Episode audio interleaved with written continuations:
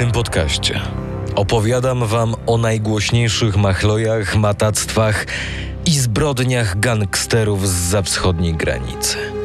W 1993 roku Mamuka Szubitidze został wpisany na listę osób poszukiwanych przez rosyjski wymiar sprawiedliwości za zabójstwo milicjanta. Potem zaczął się ukrywać pod nazwiskiem Dawid Baratyszwili i był poszukiwany przez prawie 30 lat.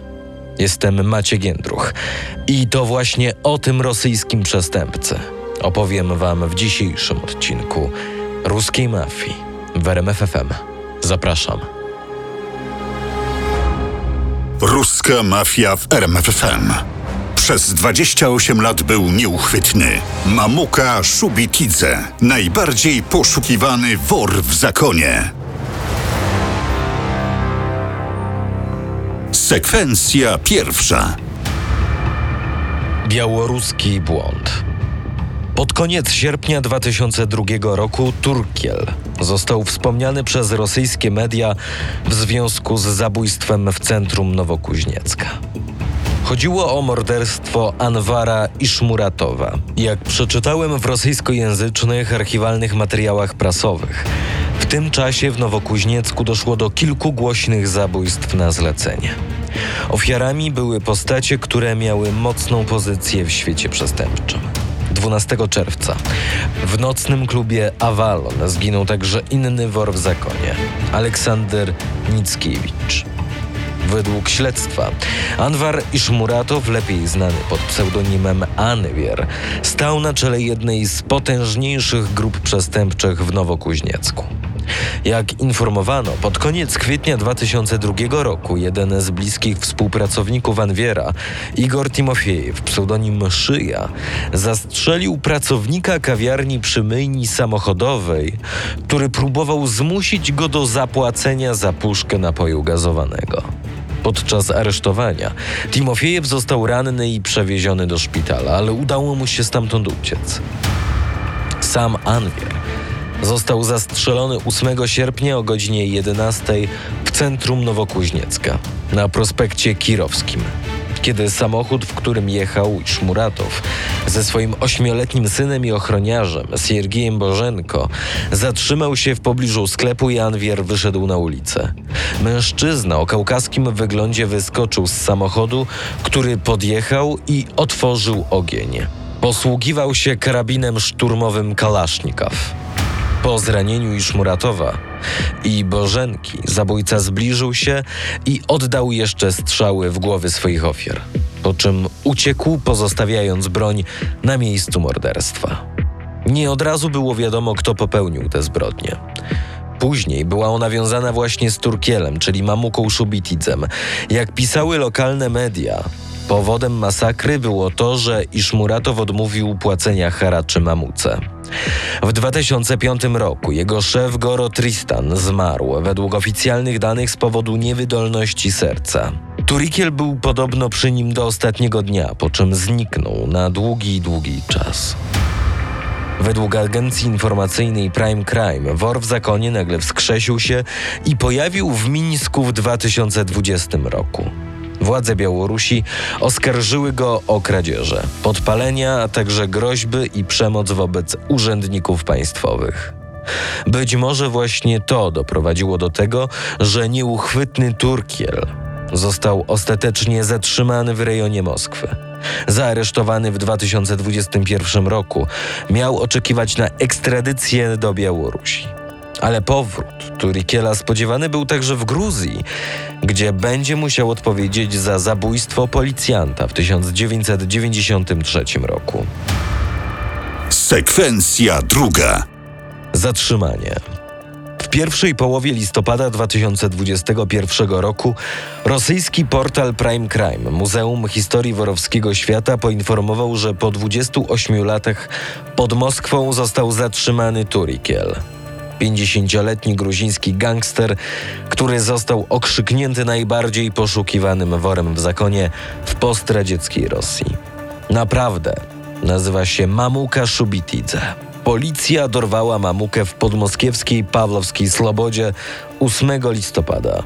Był poszukiwany od 28 lat. Służby opublikowały nawet nagranie z zatrzymania. Decyzją sądu Szubitidze został aresztowany w oczekiwaniu na ekstradycję na Białoruś. Tam jest oskarżony o grożenie śmiercią, kradzież i podpalenie oraz przemoc wobec urzędnika państwowego. Do przestępstw doszło w 2020 roku w Mińsku. Przyszły tzw. kryminalny autorytet urodził się w 1971 roku w gruzińskiej wiosce Karsubani, niedaleko granicy z Azerbejdżanem. Rodzinna miejscowość Mamuki Szybitidzego była znana z handlu winem, tytoniem i oczywiście z przemytu. W kręgu znajomych młodego nastoletniego Mamuki było całkiem sporo sądzonych już kryminalistów. Sporo mówi o tym fakt, że z tej właśnie wioski, około pięciotysięcznej, wyrosło czterech znanych w całej Rosji worów w zakonie. Podobno, aby uniknąć sprawiedliwości, w 1993 roku Szubitidze zmienił swoje imię i nazwisko, stając się Dawidem Baratyszwilim. Sekwencja trzecia. 28 lat w ukryciu. Nic dziwnego, że sam Mamuka od najmłodszych lat interesował się półświadkiem. Pod koniec lat 80. w ZSRR pojawiły się pierwsze spółdzielnie, otwarto prywatne sklepy, a z sąsiedniego Azerbejdżanu, gdzie trwający konflikt w górskim Karabachu szalał, wysyłano broń do Gruzji. Złodzieje i oszuści szybko się na tym wzbogacili. Oczywiście to wszystko nie mogło ominąć Mamuki, który zaczął spędzać dużo czasu obok lokalnych kryminalnych autorytetów i bez wahania wyruszał na wyprawy obiecujące szybki zarobek. W 1990 roku młody bandyta wdał się w pierwszą poważną bójkę w sąsiedniej wiosce. Dotkliwie pobił mężczyznę. Na rozprawie Mamuka nie zaprzeczył i przyznał się do winy, po czym otrzymał pierwszy wyrok skazujący.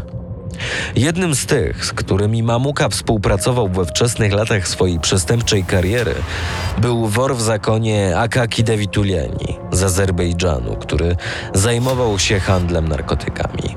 Jego dom znajdował się przy ścieżce, którą potajemnie kurierzy ze strony azerbejdżańskiej przemycali narkotyki.